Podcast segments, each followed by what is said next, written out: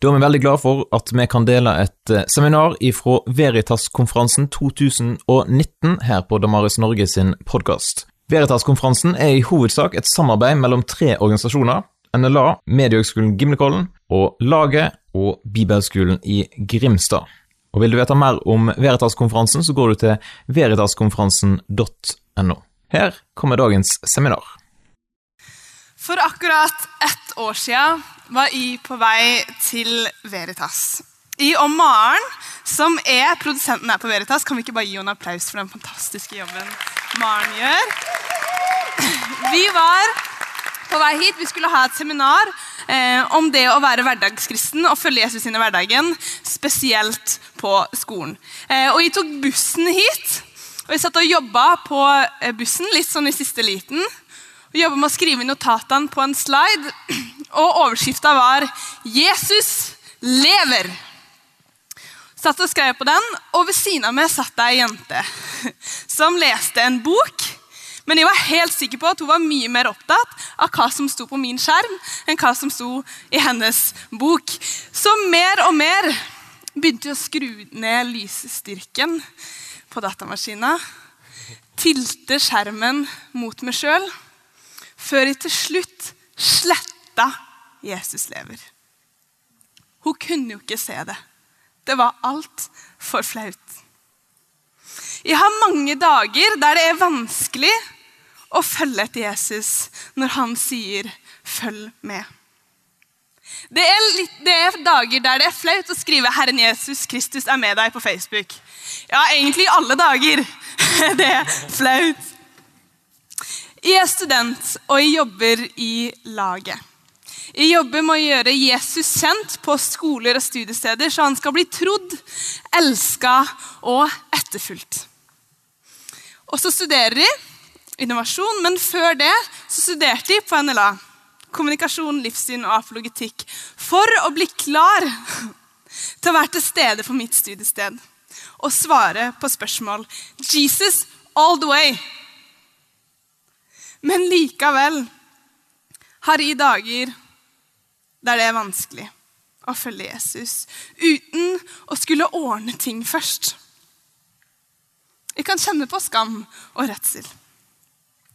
Og I søndagens tekst, som ble lest nå, i Lukas 9, så møter vi noen som ble utfordra på å gi slipp på det de driver med, å følge Jesus. Ja, Han ber dem om å la være å begrave faren sin og si ha det til familien. Er ikke det litt heftig? I teksten vet vi ikke helt hva som er bakgrunnen for de folka som kommer til Jesus. Det vi vet, er at Jesus, når han kommanderer i Bibelen, ofte kommanderer folk i lys av deres egentlige hensikter. Deres egentlige motiver. Handler dette mer om at mannen ikke ville, eller at mannen ønska å utsette og følge Jesus? At mannen bare ville fikse noe først? Og dette er ikke så ulikt oss. Mange av oss som sitter her, kalles maybe attending-generasjonen. Vi syns det er vanskelig å forplikte oss. Har noen prøvd å raust arrangere til bollefest på Facebook? Eh, og laga et arrangement. Det står 100 maybe attending, 3 attending. Enormt uforutsigbart. Jeg tror det er det her Jesus prøver å adressere. Er du med? Eller skal du henge rundt på maybe attending hele tida? Og jeg tror ikke jeg er aleine med av og til henge rundt på maybe attending. Litt uforutsigbar.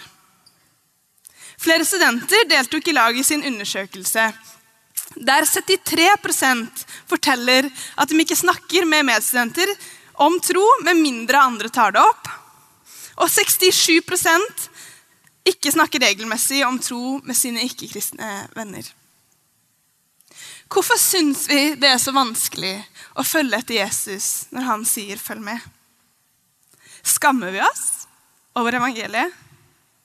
Evangeliet betyr godt budskap på latinsk.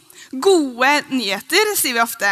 Men er det egentlig gode nyheter hvis det verken føles godt eller som nyheter? Vi har hørt det hundre ganger før.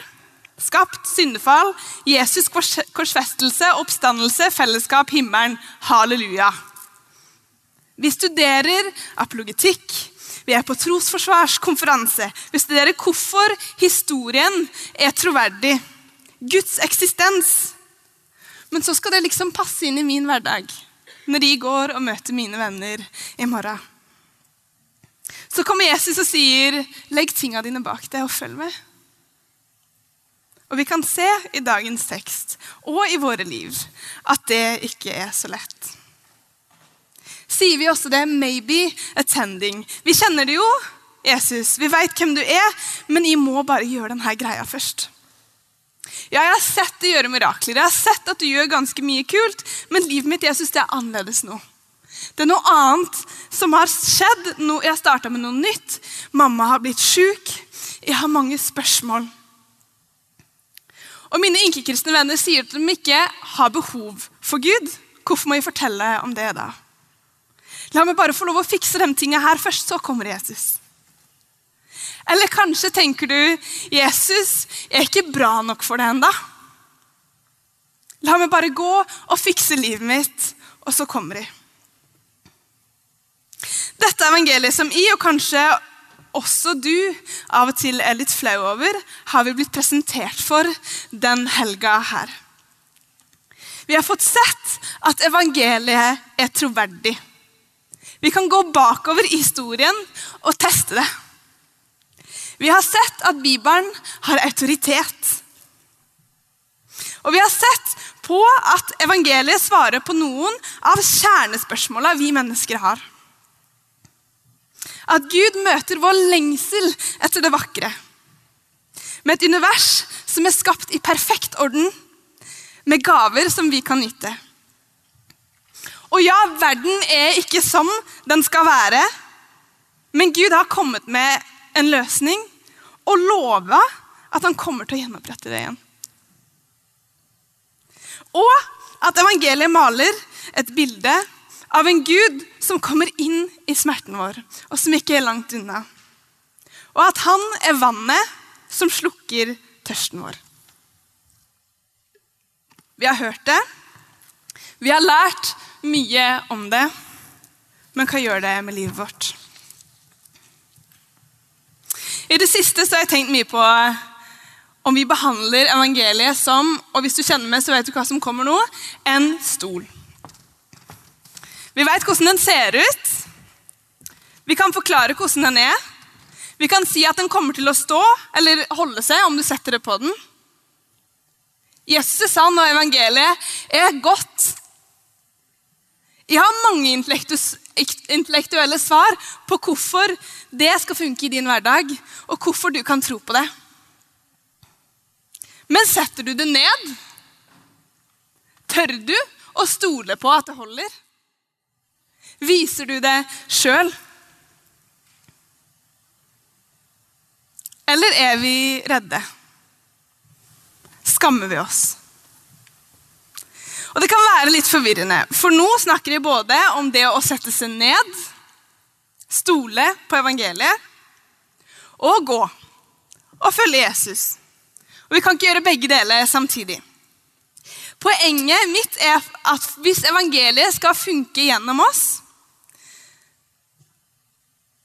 så er det riktig, er det riktig rekkefølge helt sentral. Vi sitter, og så går vi. La meg gi noen eksempler. Noen, eller Har noen av oss sett eh, filmen 'Disko', som har gått i det siste? Flere av oss har sett filmen. Her følger vi ei jente som forsøker å være god i livet. Hun skal danse diskodans, synge lovsang, være i riktig krets, være flink med barna og det virker som alt er for å kunne etter hvert finne roa i troa si. Jeg tror vi må bevege oss andre veien. Vi jobber fra vår identitet. Ikke for den her ute og for å fortjene den. Vi jobber fra bekreftelsen vi får av Jesus. Ikke for den med masse greier her ute. Det handler om å være på en plass der du forstår at du er tilgitt for alt du har gjort, og er elska uansett hva du tenker om det sjøl. Ikke å gjøre det bra nok for å få den merkelappen plassert på deg. Det handler ikke om hva vi gjør her ute. Det handler om hva Jesus allerede har gjort. Vi må stole på det, og det er drivkraften vår for å gå ut. Apologetikk har vært et enormt nyttig verktøy for meg til å støtte med når de går ut. For å møte lærere, for å møte medstudenter, for å møte dama ved siden av meg på flyet med hennes innvendinger og spørsmål om livet og Jesus. Jeg har blitt mer forelska i Jesus av apologetikk. Av å studere og innse hvor fantastisk og sant det er. Det har gitt meg en inngang til utrolig mye spennende. Men apologetikk er ikke målet. Å kunne like mye som Stefan Gustavsson og John Dixon er ikke målet. Målet er Jesus, og Jesus er her. Apologetikk er et verktøy for å komme nærmere han. Eller å kunne ta andre nærmere han. La oss se på en historie som vi syns illustrerer det godt. Vi syns også den prater godt til oss som har vært på denne konferansen her hele helga, og som ser at stolen er der. Det ser troverdig ut. Den er stødig. Folk opplever Jesus, folk rekker hendene i lovsangen. Men likevel er det tungt. Du har mange spørsmål. Er det noe vi prøver å fortelle gjennom Veritas-konferansen, så er det at Gud ikke er ydmyka av dine spørsmål. Gud ønsker dem velkommen. Vi ser på historien om Thomas. Han ble ofte kalt tvileren Thomas. Og I fortellinga leser vi om at Jesus døde på korset, og disiplene har funnet graven tom. Nå vet de ikke hva som skjer, og de gjemmer seg i frykt med låste dører. I Johannes 20 så kan vi lese at Jesus viser seg for disiplene. Den ble helt satt ut og dødsglad. Men Thomas var ikke der. Har dere noen gang lurt på hvor Thomas var da? Disiplene hadde låst døra i redsel, og de gjemte seg. Kanskje var Thomas den eneste som turte å gå ut og kjøpe kebab til folket. Grandis med ekstra ost uten paprika. Kanskje han var der ute og riska livet sitt. Og så kommer han tilbake, og så leser vi om vi, ja. Thomas, en av de tolv, han som ble kalt tvillingen, var ikke sammen med de andre disiplene da Jesus kom. Vi har sett Herren, sa de til ham. Altså, Hvordan hadde du reagert om du kom inn der og var Thomas? Du har grått i mange dager av fortvilelse. Det, det, du ga alt ditt liv for, er borte. Og nå er det kaos, for kroppen til Jesus er plutselig ikke graven lenger. Og du klarer å stable det til beina for å fikse noe mat til kompisene dine. Og risikerer livet ditt for å være der ute. Du har vært borte i 20 minutter, og så kommer du tilbake og hører at gjengen har sett Jesus. Jeg hadde sagt 'hold kjeft', dere har for lavt blodsukker. Spis kebaben. Og hvis dere fortsatt mener det her etter at dere har spist rullen, så gi meg bevis. Thomas sa, 'Dersom jeg ikke får se naglemerkene i hendene hans' 'og får legge fingrene mine i dem' 'og stikke hånda mi i sida hans, kan jeg ikke tro.' Kanskje du er her og sier 'jeg har hørt om det'. Men jeg klarer ikke skikkelig å tro på det. Jeg har mine spørsmål, og jeg har vært der.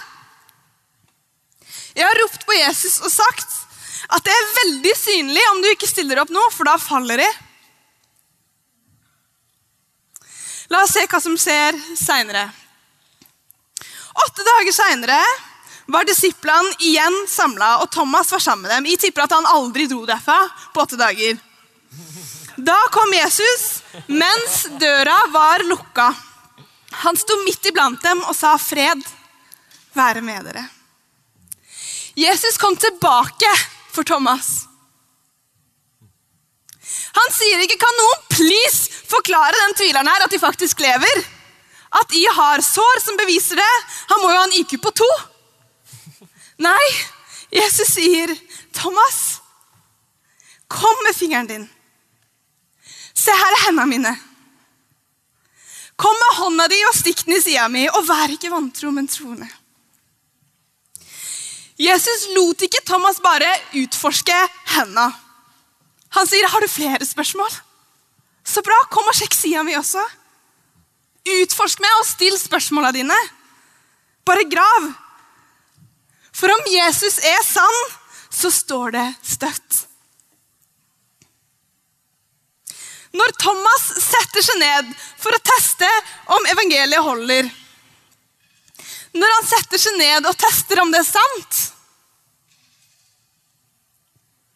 Når han finner svar, da sier han, 'Min Herre og min Gud'.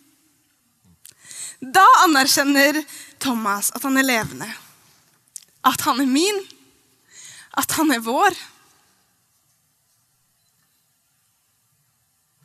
Så kunne Thomas blitt stående og sagt at han nå visste argumentene for at Jesus levde. At han hadde bevis. Han kunne beskrevet stolen opp og ned i mente.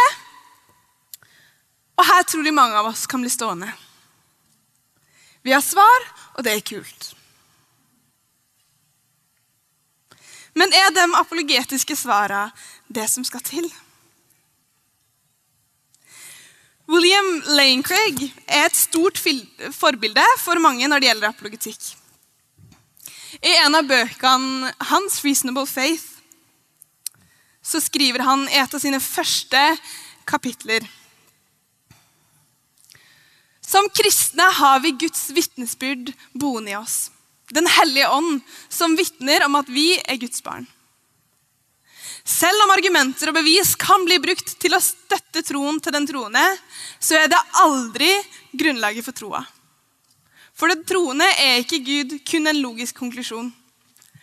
Han er den levende Abrahams, Isaks og Jakobs Gud boende i oss. Hvordan vet da den kristne at kristen tro er sann? Han vet det pga. at vitne av Guds ånd som bor i ham. Eller som det ble nevnt tidligere denne helga her. Ikke kom med intellektet ditt. Kom med hele det. Det er lett å bli for opphengt i det intellektuelle, og så glemmer vi at vi er etterfølgere og ikke lærere. Thomas stilte spørsmåla, og Jesus viste seg for ham. Han ble møtt og bekrefta. Thomas satte, satte seg ned og stolte på Gud, Guds barn, Gud i meg. Men ble han sittende der? Nei, Etter den hendelsen her så åpna de ikke bare dørene og levde som vanlig. Alt endra seg. Han stilte sine spørsmål, Jesus møtte han, og i det møtet fikk han motivasjon til å gå ut. Han sto ikke og stirra på såra og sa 'min Herre og min Gud'. Men det leda han til, og sammen med disiplene, vitne om evangeliet helt til døden. De gode nyhetene. Dette er ikke Thomas tvileren.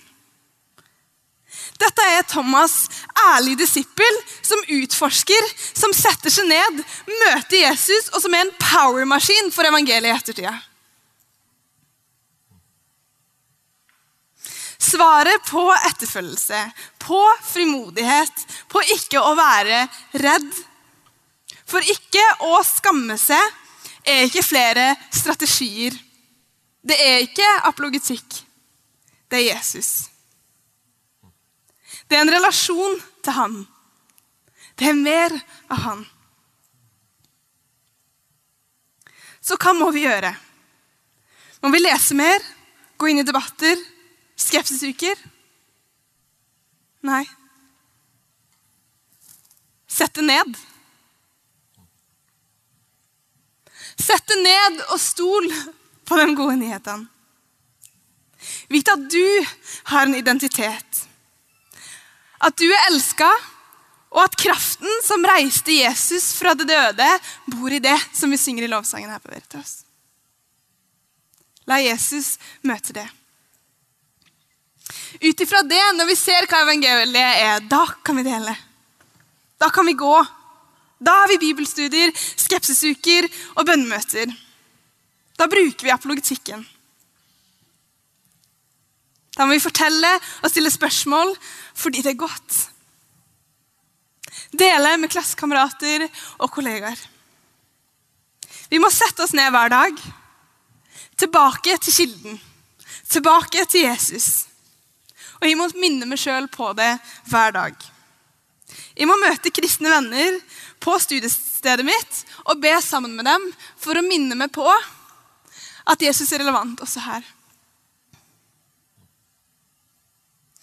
Det å tro på Jesus, eller det er nok å tro på Jesus, men det er mer her. Evangeliet er mer enn at Jesus døde for 2000 år siden. Det er nå, i hverdagen vår. Det er godt nå, og nyhetene er gode for vennene våre. Det Gud kan gi oss, er verdt at vi tar en helomvending. Legger ting bak oss og blir med når Gud sier 'følg med'.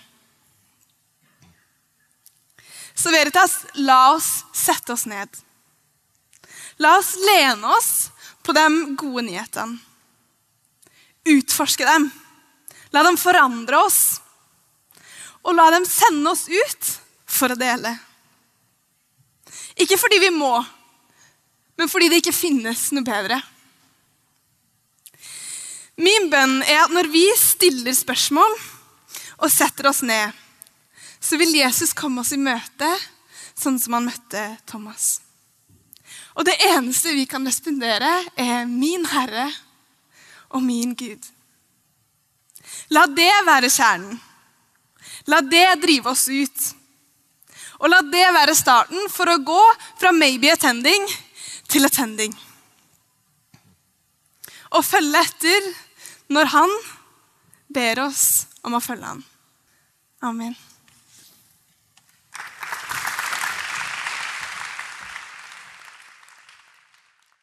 Takk for at du lytter gjennom dette seminaret her. Og Skulle du ønske at flere fikk med seg det gode innholdet, ja, da kan du jo faktisk dele seminaret med noen, eller tipse dem om seminaret i sosiale medier. Vi setter jo veldig stor pris på om du har lyst til å skrive en anmeldelse av Damaris Norge sin podkast på de ulike podkastplattformene. Da hjelper det oss å løfte podkasten opp, sånn at flere får nytte av den. Jeg vil også nevne at eh, du kan ha mulighet for å kjøpe diverse bøker via nettsida snakkomtro.no, der flere av de som eh, var med på Veritas-konferansen, har sine bøker tilgjengelig der. Så sjekk ut Snakk om tro, og kjøp gjerne ei bok eller to.